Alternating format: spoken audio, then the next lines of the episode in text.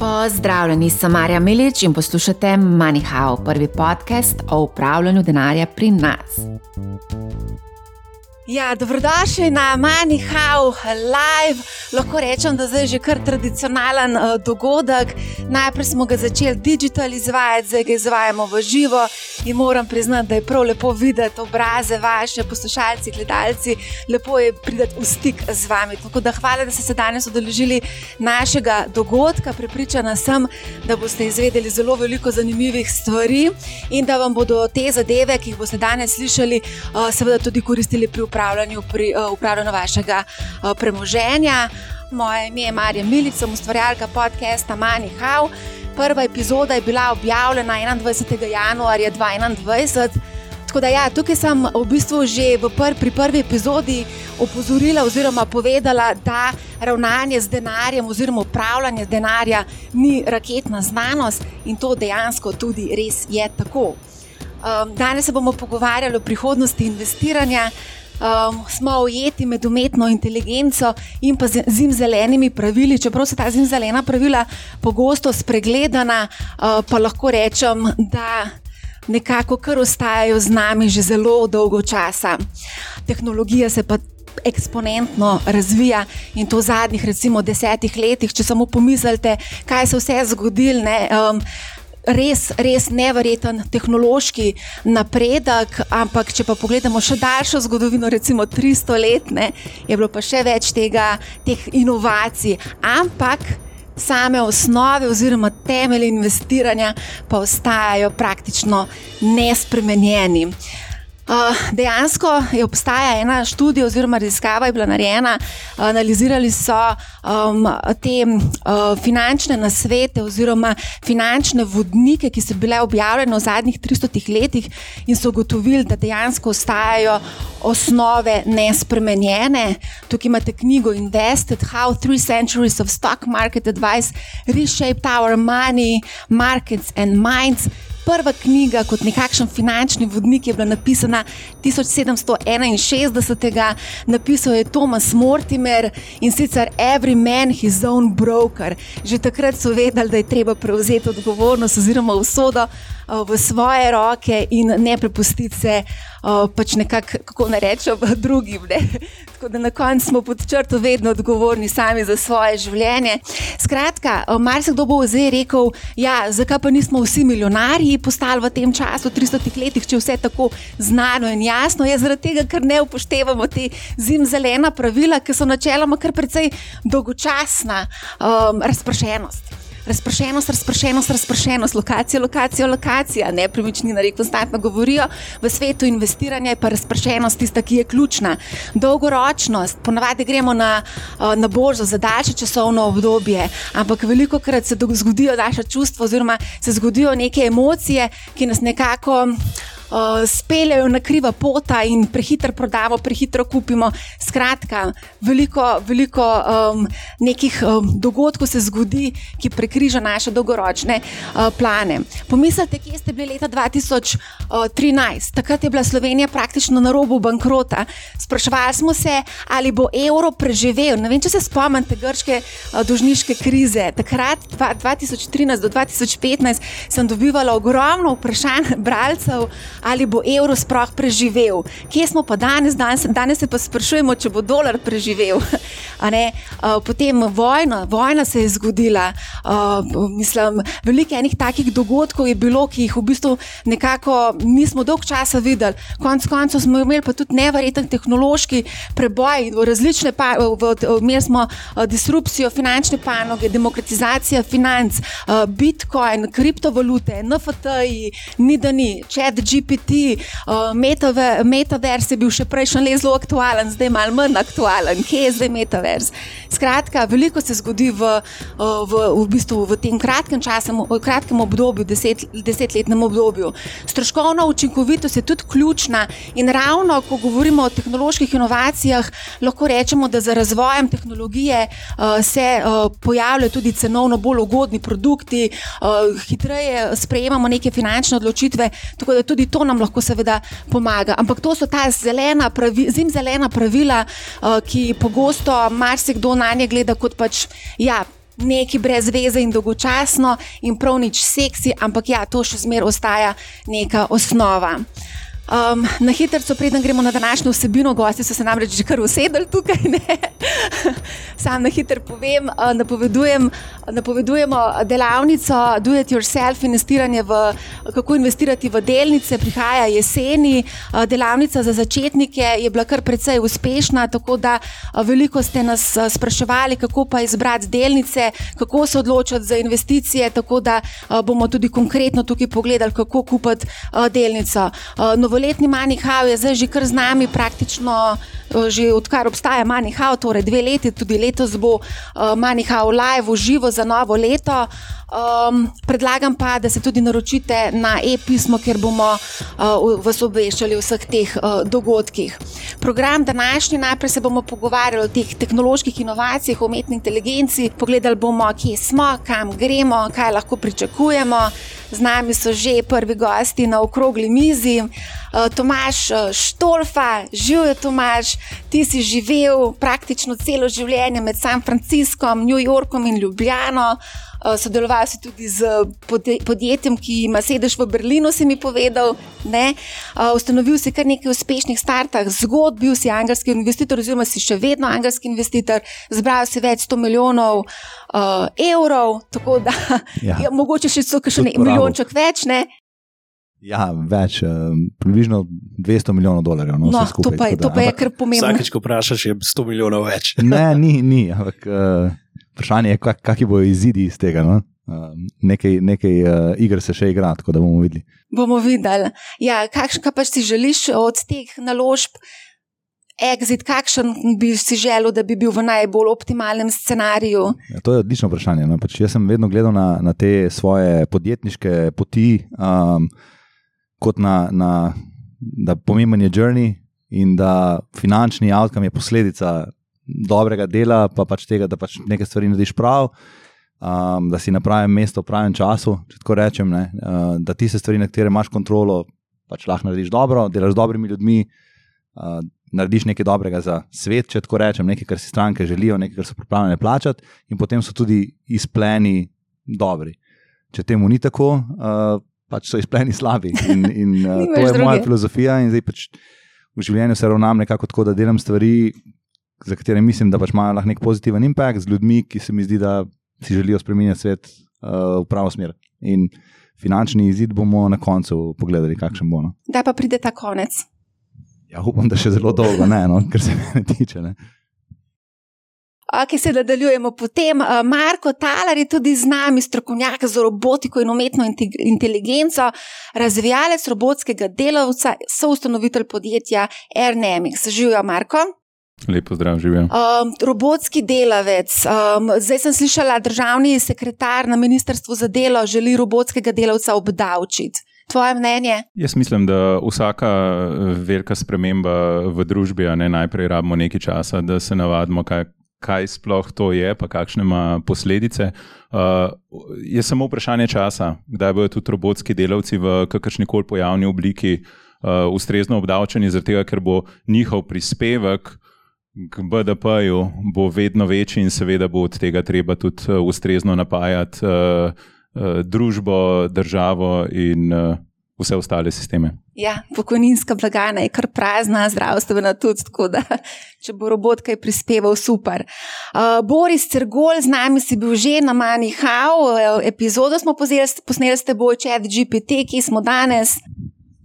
Še bolj naprej, kot smo bili takrat, pa ne me raj vprašati, kje bomo čez en mesec, ker mislim, da bomo še kje druge.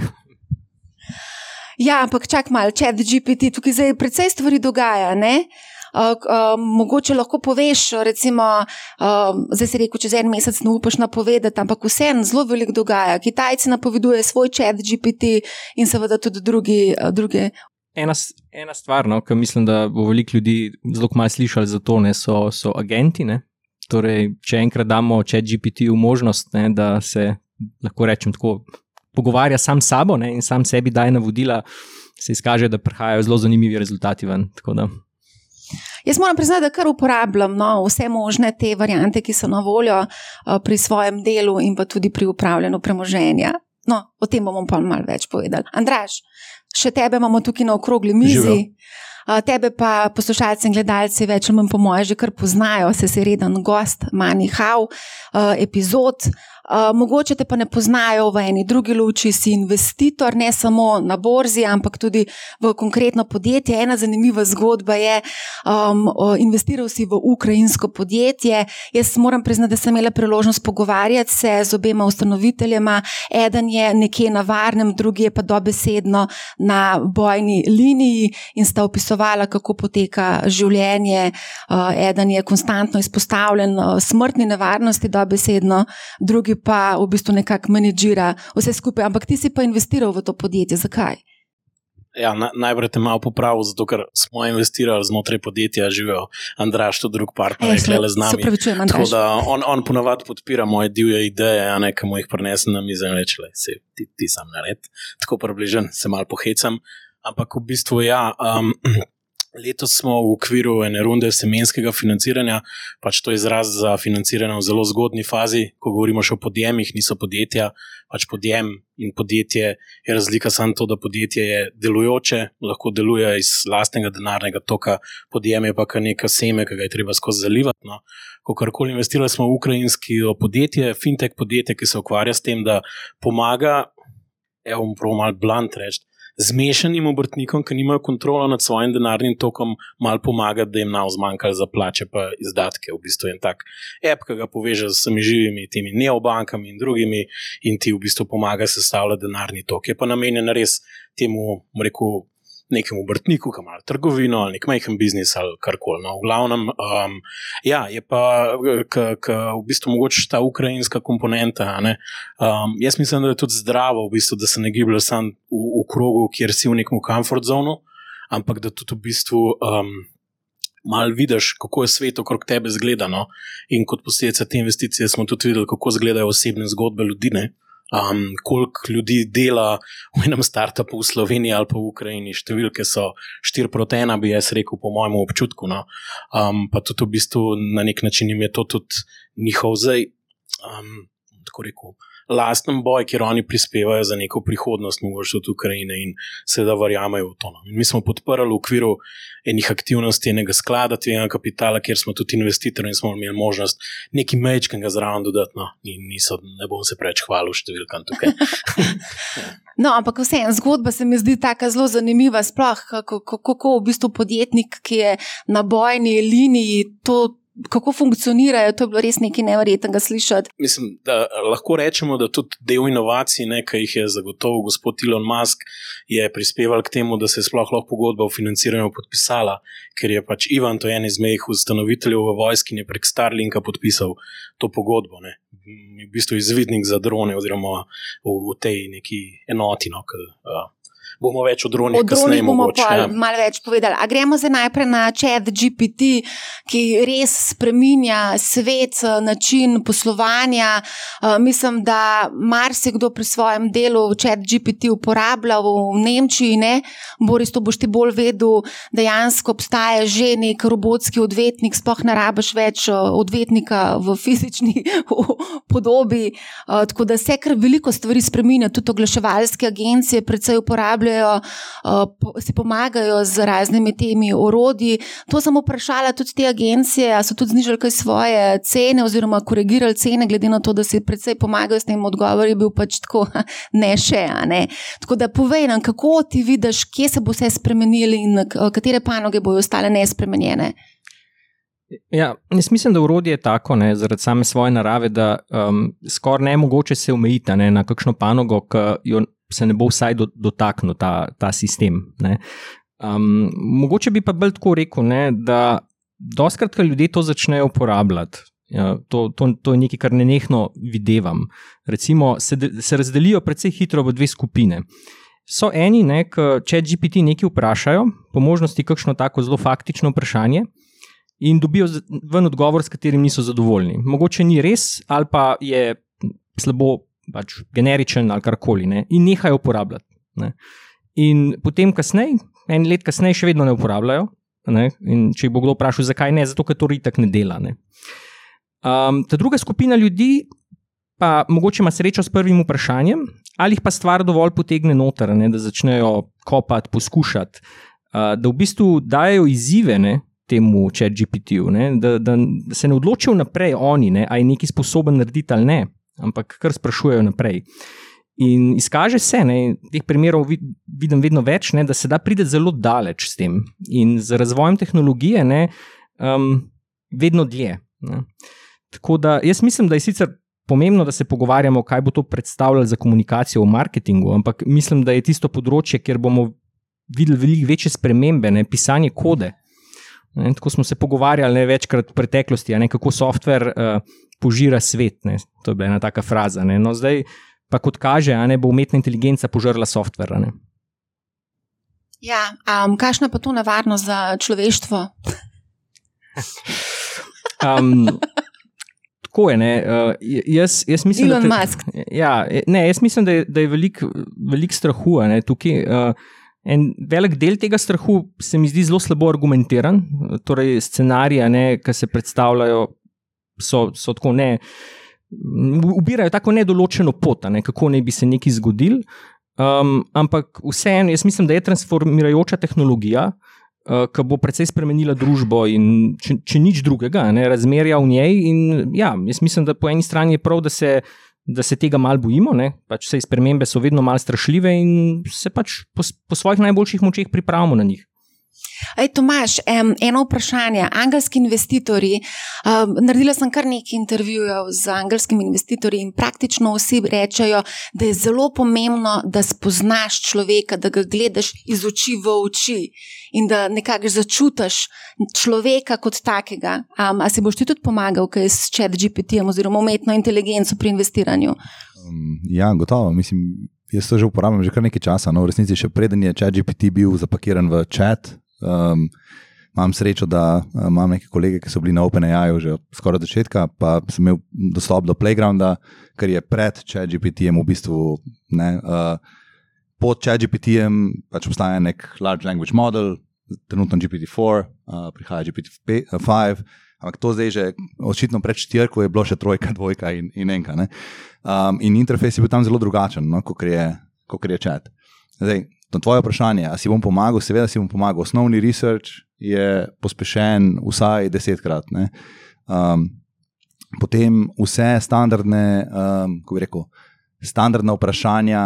Uh, zelo obvije strategije, in tako naprej, pač zadeva zelo dobro predelano. Uh, tako da vse tisto, kar je bilo prej, če tako rečem, začetni, začetno delo, da si sploh ustvaril neko, neko sliko o nekem uh, področju, pa neko osnovno research, je zdaj zastojn, oziroma tako, da bi imel tisoč. Uh, Ja, jaz se pohecam, da tako kot imel tisoč internov, no? sam moraš imeti dovolj domišljije, da daš tem tisoč internom za delati, uh, ker pa imaš drugi set problemov. No? Uh, in jaz mislim, da jaz sem zelo optimističen v resnici, kam nas bo ta tehnologija pripeljala. Um, težko verjamem, da tudi zato, ker pač Marko bo tukaj morda malo več povedal. No? Um, se mi zdi, da imam predstavo, koliko dolga je pot od, od tukaj, kjer smo, do tega, da pač lahko en robot tam se sprehaja, pa nekaj počne.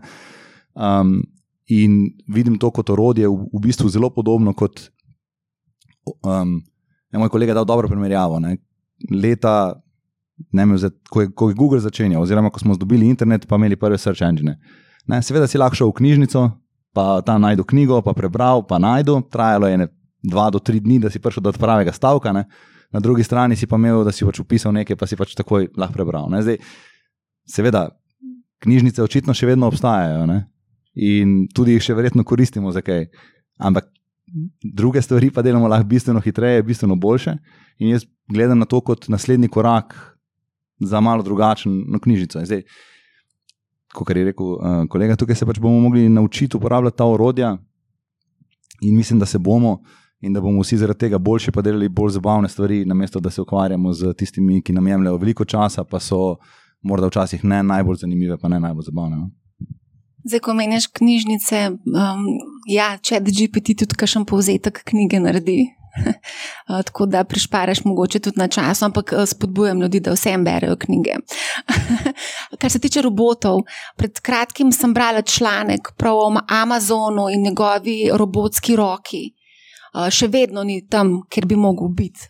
Amazon in njegova robotska roka. Se pravi, da preklada robot iz enega konca skladišča na drug konc skladišča, ne gre še, še vedno ni zanesljiv ta robot. Kako daleč smo, da, bo, da bomo imeli um, robota, gospodinjo um, v kuhinji doma?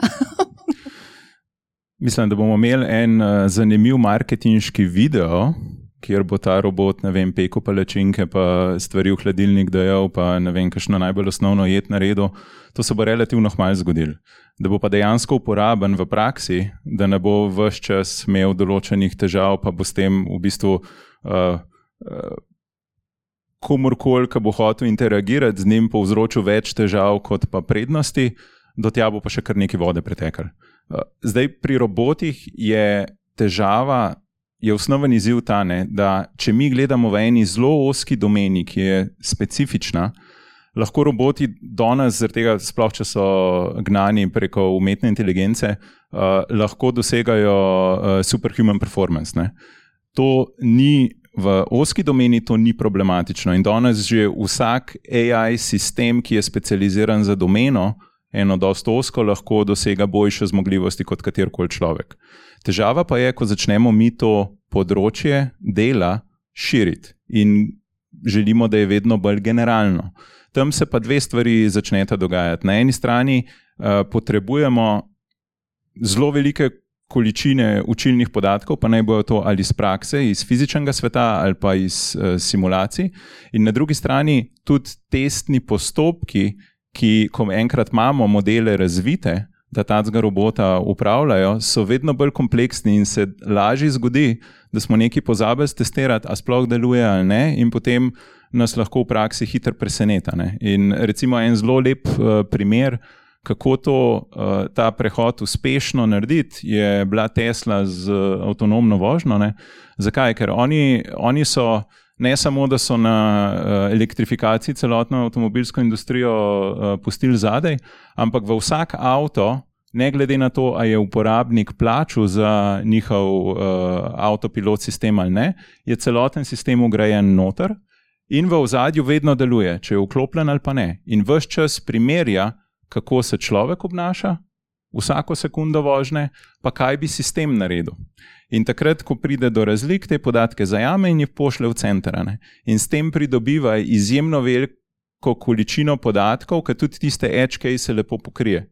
In zdaj tisti proizvajalci, ki bojo uspeli robot, prve robote spraviti na trg, ki bojo sicer neko nišo pokrivali, ampak bojo hkrati zelo uspešno zajemali podatke, ki bojo zelo širok spektr aplikacij pokrili, tisti bojo verjetno, da uspešni in bojo tudi hitreje prišli do generalno sposobnih robotov. No, komaj čakamo, da bodo prišli taki roboti, a ne, Andraš. A boš ti mal povedal, mi smo pripravili um, samo sekundo. Um, še kakšno vprašanje lahko postavite?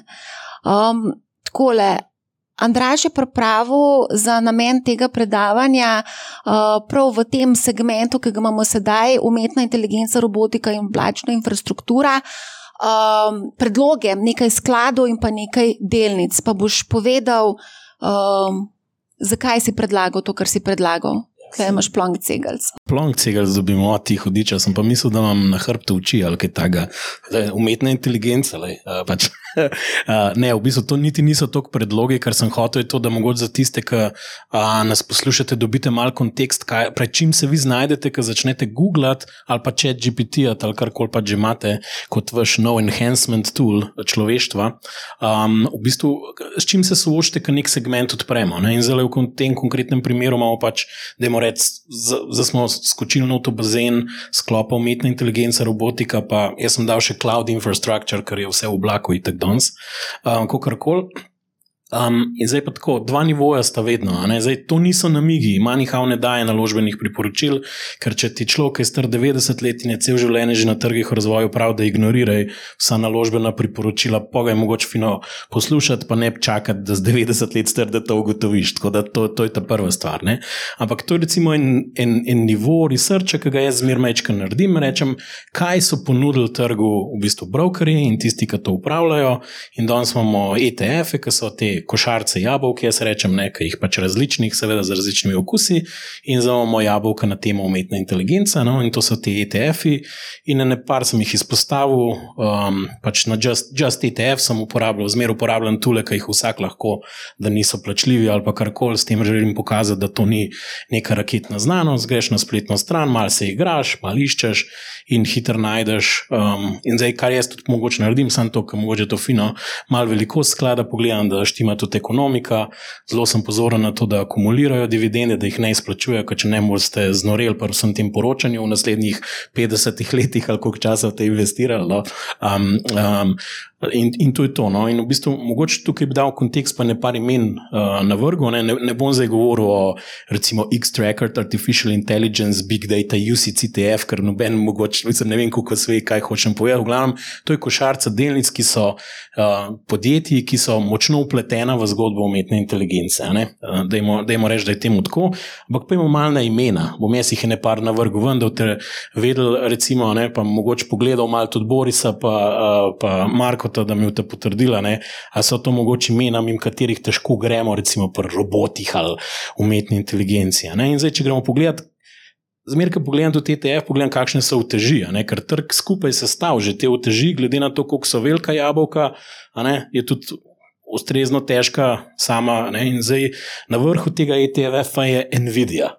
Recimo, jaz mislim, da mem te firme skoraj nišče ne more se zaleti v notrno, ki hoče karkoli razviti na tem področju, tako ali pa drugače, verjetno. Zdaj, ali jo proba ignorirati, ali pa jo sprejme, da se bolj pohecam. No? Uh, recimo Microsoft, seveda tudi z naložbo v OpenAI, je zdaj neka zgodba, kjer se je to partnerstvo sklenilo. Um, je nekdo vstal zunaj ali ne, bomo videli, Alphabet, Google. Um, zdaj pa, da ne bomo samo pri, rečemo, uh, programski upremi, ne, sem rekel, te roboti, zdaj koga ne izberem, ne, uh, pa sem šel malo po težeh. Tudi to so vse delnice, ki so v, v košarici, v ETF-u, noter, da ne bo pomota. Recimo ABB in švicarski konglomerat, sicer ampak verjetno Marko. Kakšnega robota ali dve ali roko ste testirali pri razvoju? Kar malo več. Ja. Malo več, no, okay, malo več kot eno. Uh, pa, okay, vključil sem še Kajans, To je pa v bistvu japonska firma, ki je na področju upreme za senzoriko, predvsem, oziroma množti kaj popravil, če še neumnosti govorim. V glavnem, tukaj se zdaj nekako gibljemo. Ne? To je zdaj research, ki ste prišli noter in rečete, kako zdaj igrati na umetno inteligenco, kateri igralci so tukaj in pač vse te firme imajo, rekel, neko nogo med orati ali pa prstom v marmeladi, kar vam je lepši izraz. V glavnem, so na nekem presečišču, kjer so zelo dobro pozicionirani, da bomo nekaj od tega imeli. Evo. In za vse sklope sem nekaj istega naredil, da se nam ponavljal, tako da boste lahko sami videli. To so za me neki zapiski, zato ker v bistvu vsaka investicija, ki je v bistvu v konkretno podjetje, zahteva research. In jaz vam gledam samo nekaj mal svojih zapiskov, um, no, naprej morate pa iti sami, ker to je vse življenjsko učenje v investiranju in v bistvu je še zmeraj investiran in tisti, ki veliko investira, tudi ogromno napak naredi. Zato na koncu misliš, da zmeraj manj pameten ne bo. Zdi se, da začetek si dosto prepričati, da veš pol. Čez nekaj časa pa da če več ne vzameš za pač suho zagotovo. No. Tako da, evo, to je to. Evo. Vse, ko govoriš o investiranju, mogoče bi pa vseeno lahko pogledali tudi, kako se v bistvu spremenja svet investiranja in kako se bo, kaj se bo dogajalo s tem v prihodnosti.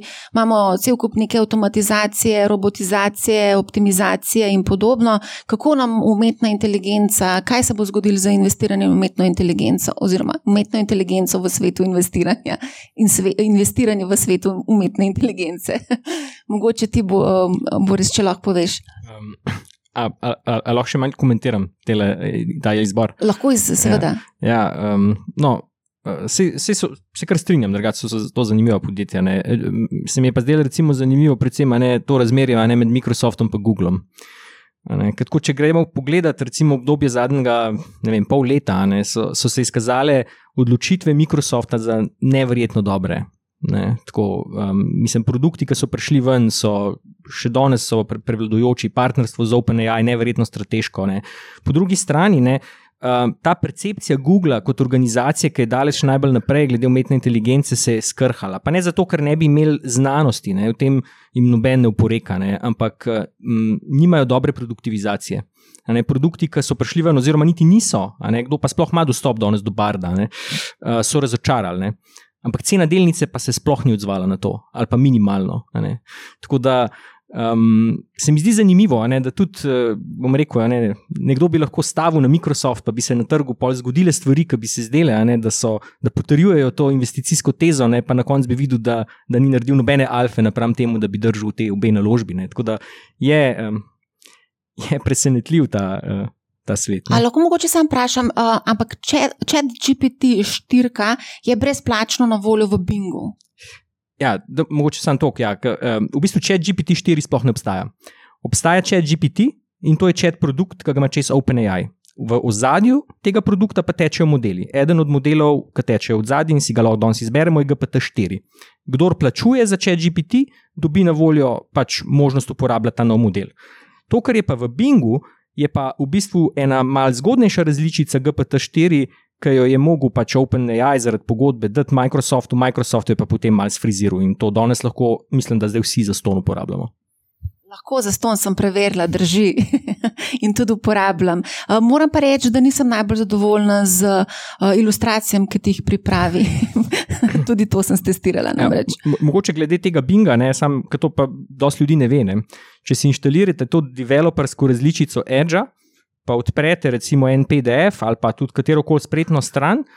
Lahko postavljate tej spletni strani vprašanja, pa boste dobili odgovore, tudi če je kar dolga. Tako, namik.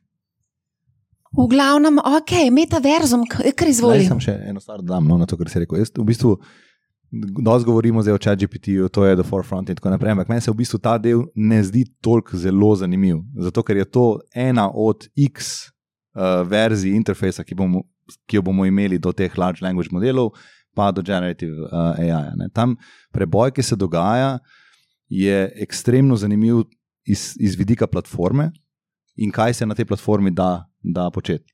Zdaj, če gremo nazaj v zgodovino uh, računalništva in računalniških interfejsov, um, tukaj je dosti ljudi mojih let, da jim rečem, ko se verjetno še spomnite text-based interfejsov na računalnikih. Ne? Pač ti si odprl svoj uh, PC in tam je bila edino ena. ena Mala je blinkala in si pač mogel napisati nekaj noter. Ne. To je pač bil prvi generičen interfejs in si pač mogel poznati sintakso. Ne. Zdaj, nismo dosti daleč od tega, sam sintaksa je lažja sintaksa je taka, kot pač jo mi govorimo in mi razumemo in mi razmišljamo. Ampak kar je pa zelo zanimivo, je pa to, da zdaj v resnici ti lahko zgradiš različne interfejse, katerih output niso več neki JSON dokumenti, neki drugi formati strukturiranih podatkov, ampak je output odprt tekst, ki ga lahko porineš v ta model, na drugi strani pride nekaj ven. Ne? In to spet lahko daš v nek drugi uh, del programske opreme, če tako rečem. In kar si prej omenil, ne, ti agenti in tako naprej, tukaj se začne zares zanimivo. Zato, zakaj? Zato, ker lahko jaz uh, podam ukaz tekstovno, narišem slikico ali karkoli, to gre v nek language model, tukaj se zgodi nek output, morda je ta output, hej, razišči še te tri stvari. Ne, in se potem to kolo samo zavrti. V nekem trenutku je lahko output, hej, moram poklicati na agencijo in se zmeniti za hotel, v, kam gremo danes, ne vem, kam, kam, se, kam se hodi. Na Santoriniju se zdi, da to mes za 30% diskonta in ustraja, dokler ne dobim 30% diskonta, in potem prijeti nazaj in reči, da je to najboljša cena, ki jo lahko dobim. Ne. To se pravi, to, kar vidimo zdaj, je, je za res začetek, prototip, jaz temu rekel, tega, kar bomo videli. Chat kot input je en od inputov, predstavljajte si, ne vem, če poznate ta mim, uh, ko nekdo nariše dva kroga, pa reče, da je to sova. Uh, no. Pač jaz si predstavljam, da, da nam bo ta revolucija, ki prihaja skozi language modele, skozi generative AI, vse te druge stvari, ki se zdaj razvijajo, omogoča, da bomo mi dobesedno lahko na list papirja narisali dva kroga, pa zraven napisali sova, ven bomo pa dobili 30 verzij sove v različnih. Uh, v različnih modelih in še buy button, da nam sovo pošljajo domov, če hočemo. No. Um, ampak v tem kontekstu moramo razmišljati. Jaz mislim, in tudi v kontekstu investiranja v to košarico, ne, je, jaz mislim, da dobro razmišljati o tem, kdo bo zmagovalec teh, oziroma kje bo value na dolgi rok, ali bo na platformi, ali bo na interfejsih, kako bo razmerje. Ne, a, a bom jaz lahko imel large language model doma, svojem, na svojem laptopu, na svojem telefonu, ali ga bom moral uh, imeti v sklopu nekega od teh providerjev cloud computinga, kje smo, kdo dela čipe in tako naprej. No, tukaj se mi zdi, da se začne zanimive raziskave. No? Jaz se čist s Tomažem strinjam, uh, pa bi mogoče sam še to dodal, ne, dve zanimivosti. Kar se tiče GPT-ja, oziroma tudi če GPT-ja na konc koncev, je to, da že danes, če ga nekaj vprašamo, ok, on sledi kontekstu, ne. Uh, do zdajšemu kontekstu, danes, kot je še par mesecev nazaj. In to mu povečuje zmogljivost na nek način, da več konteksta lahko uporabi pri odgovorih. Ta drugo pa je refleksija. In sicer, če mu daš neko vprašanje, ti on poda odgovor, pa ga vprašaš, zakaj, pa da razmisle, ali je odgovor pravilen ali ne.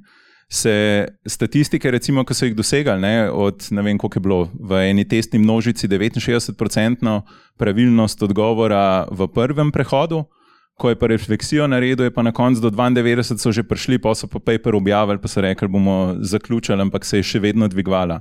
Tako da tukaj smo samo, res samo prvo, prvo najbolj po, čist po, po površini zelo globokega morja, trenutno uh, gledamo. Ta drugo pa je uh, tekstovna modalnost. Je samo ena od modalnosti, ki se jih lahko uporablja. Uh, tako kot če pogledamo arhitekturo LLM-ov, se lahko tudi na vizualnih podatkih odlično delujejo. In to je zdaj naslednji korak. In GPT, vem, 4,5 ali kakorkoli bo že označen, bo tudi na vizualnih podatkih začel delati. In tam se pa odpirajo, tega, ker so vizualni podatki imajo neprimerno večjo količino informacij kot tekstovni se pa odpirajo obzorja, ki jih danes uh, se jih še ne zavedamo čist dobro. Potem se tukaj tudi vprašamo, seveda, o avtorskih pravicah. Ne? Veliko je bilo govora o tem. Ne? Imeli smo celo primer nekega američana, ki je naredil neko slikanico za otroke s pomočjo tega. Tudi jaz moram iskreno priznati, da zelo veliko uporabljam tudi za to, da na hitro napišem kakšen mail, si mal pomagam s chat GPT-jem oziroma s kakšno različico. Tako da, ja, zelo uporabna stvar. Veliko mladih in pa starejših pa to zadevo sploh še ne uporablja. Recimo, zelo koristno je lahko tudi pri raziskovanju kakšnih uh, zgodovinskih podatkov. Uh, odvetnike smo prej omenjali, ne? tudi pri odvetni, od, izvoli, kar povej. Ja, v bistvu tukaj bi rad samo opozoril na eno tako. Um, to je ta um, zvezdica, no? Ma, mali princ spodaj. Language modeli, trenutno, na katerih trenutno sloni to, so dost površinski. In pri takih stvareh, ko si pomagamo na nekih raziskavah, in tako naprej, bomo dobili odgovor na nivoju površinskega znanja. Način, na katerega ti modeli delujejo, tukaj se lahko naslovim polnate, je ta, da se v bistvu, ko ne vejo, oni predvidevajo, kaj je pričakovano, da bo naslednja beseda oziroma naslednji stavek. Naprej, Kar pomeni, da če ne vejo, se pač malo zmislijo. No? Točno to. In, ne, in Uh, rekel, lahko... To ni nič narobe, ne? vsi, ki imamo otroke, pač vemo, da se včasih, uh, če kdo kaj ne ve, pač malo mal pove še kaj, kar morda ni, ni toliko uh, se je zares zgodilo. Ne? Ampak je treba to vedeti no? in je treba to vzeti v zakup, ko se uporablja ta orodja. Zato, ker do zdaj smo pač slonili na nekih uh, outputih orodij, ki smo jih uporabljali, ki so bile dosti, smo jim dosti zaupali. No? Tukaj pa jaz mislim, da je treba imeti v trenutku, ko se spustimo v globino neke teme ali pa neke domene, treba imeti zdravo mero skepse, uh, okrog tega so odgovori izmišljeni ali parcialno izmišljeni ali pač slonijo na, na nekem realnem. Uh, to, to je resnica, uh, to je res. Uh, zelo veliko napak je uh, bilo, uh, ko smo raziskovali, recimo, raziskovali sem eno zgodbo o stoletnih podjetjih v celi regiji, zelo veliko napak je bilo tukaj. Uh, potem ne vem, če ste se kdaj čet GPT ali opišete svoje ime in primek. Uh, jaz moram priznati, da mi je čisto vse se zmislil. nič ni bilo, nič ni bilo, razen to, da sem novinarka. To je bila edina, kar je bilo. Ampak je napisano tako, da bi lahko bilo res. Napisano ne? je bilo tako.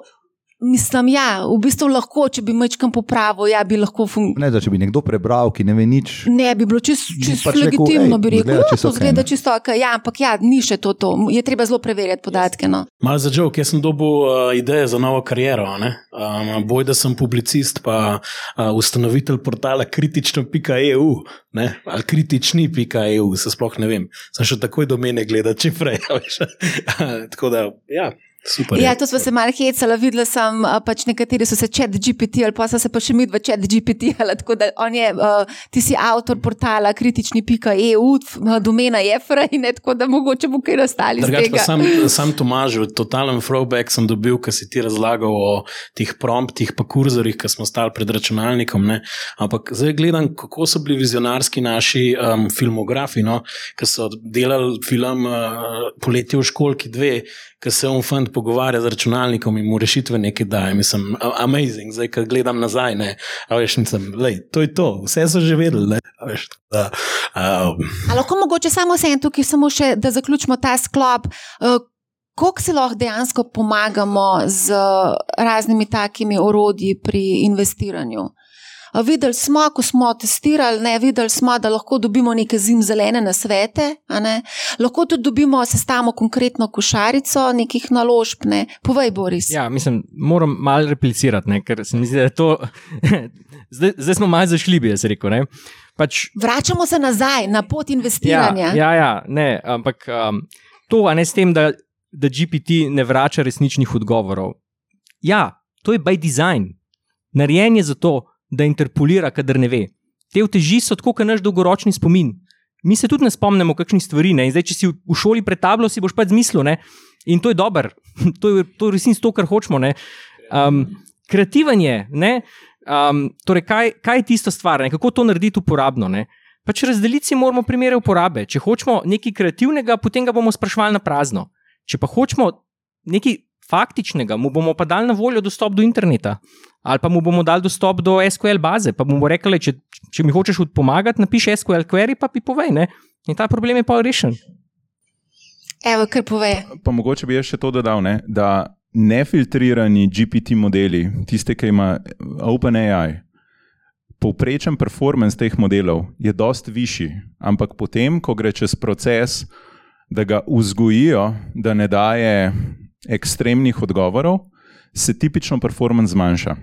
Tako da tukaj imamo še cel kup izzivov, ki jih bomo mogli v, v prihodnosti rešiti. Da na eni strani bomo eh, model zamejili, da se bo obnašal v skladu z našimi prepričanji, pričakovanji, da ne bo kakšne traparije, take, bolj um, z večjim impaktom uh, iz ustone.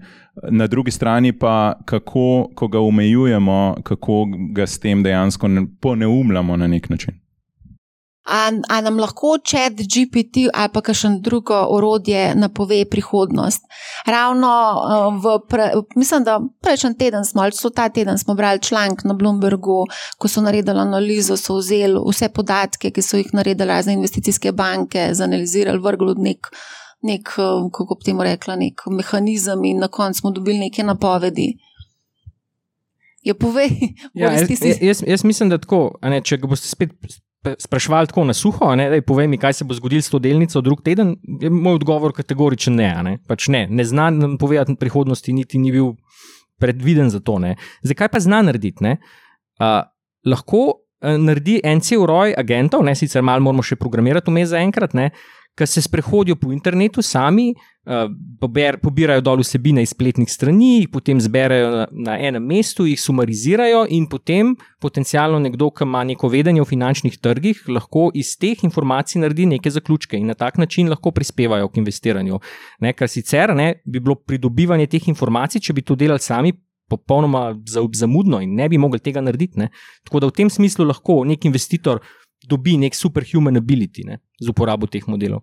Um, uh, Tomaš, prej si omenil, da tudi ti že dolgo časa uporabljaš uh, pri svojem investiranju, kako konkretno. Uh, Vsem se mi zdi, da je nek ta pristop iz oči v oči pri an angelskih investitorjih. Ja, absolutno. Vedno Jaz nisem izpostavljen, Nobene, no. nobene investicijske odločitve sprejel zaradi tega orodja, no, če tako rečem. Uh, sem si pa pomagal pri tem, da sem prišel na neko osnovno znanje določenih domen, ki ga prej nisem dome, um, imel. Pa mislim, da sem lahko prišel bistveno hitreje uh, do tja, kot bi sicer. Um, drugi, drugi vidik tega je pa v, v komunikaciji, morda no, včasih uh, to pride prav. Ker da, en zelo uh, smešen primer.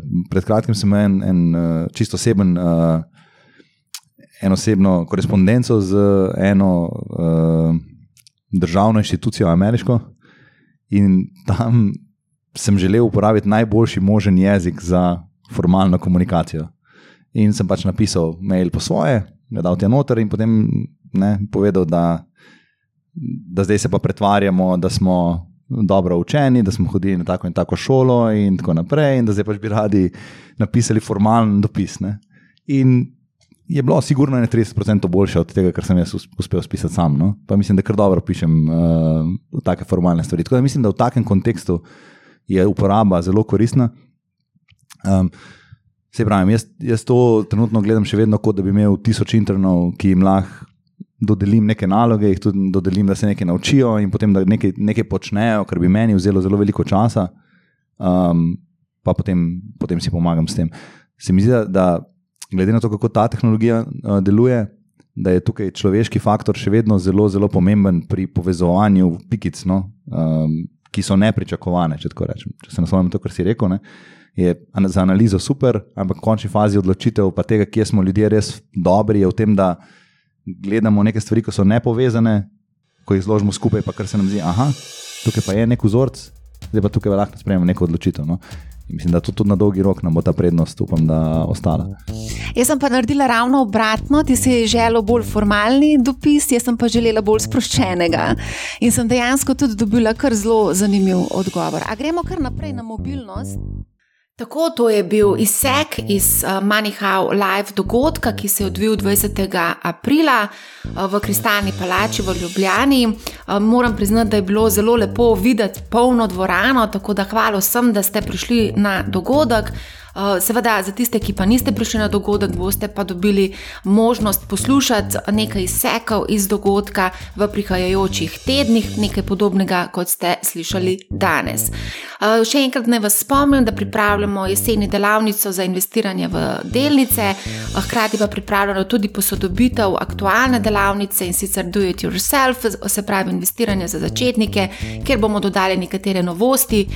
Vsi tisti, ki ste seveda že kupili kupili to delavnico, boste dobili tudi posodobitve v vašem oblaku.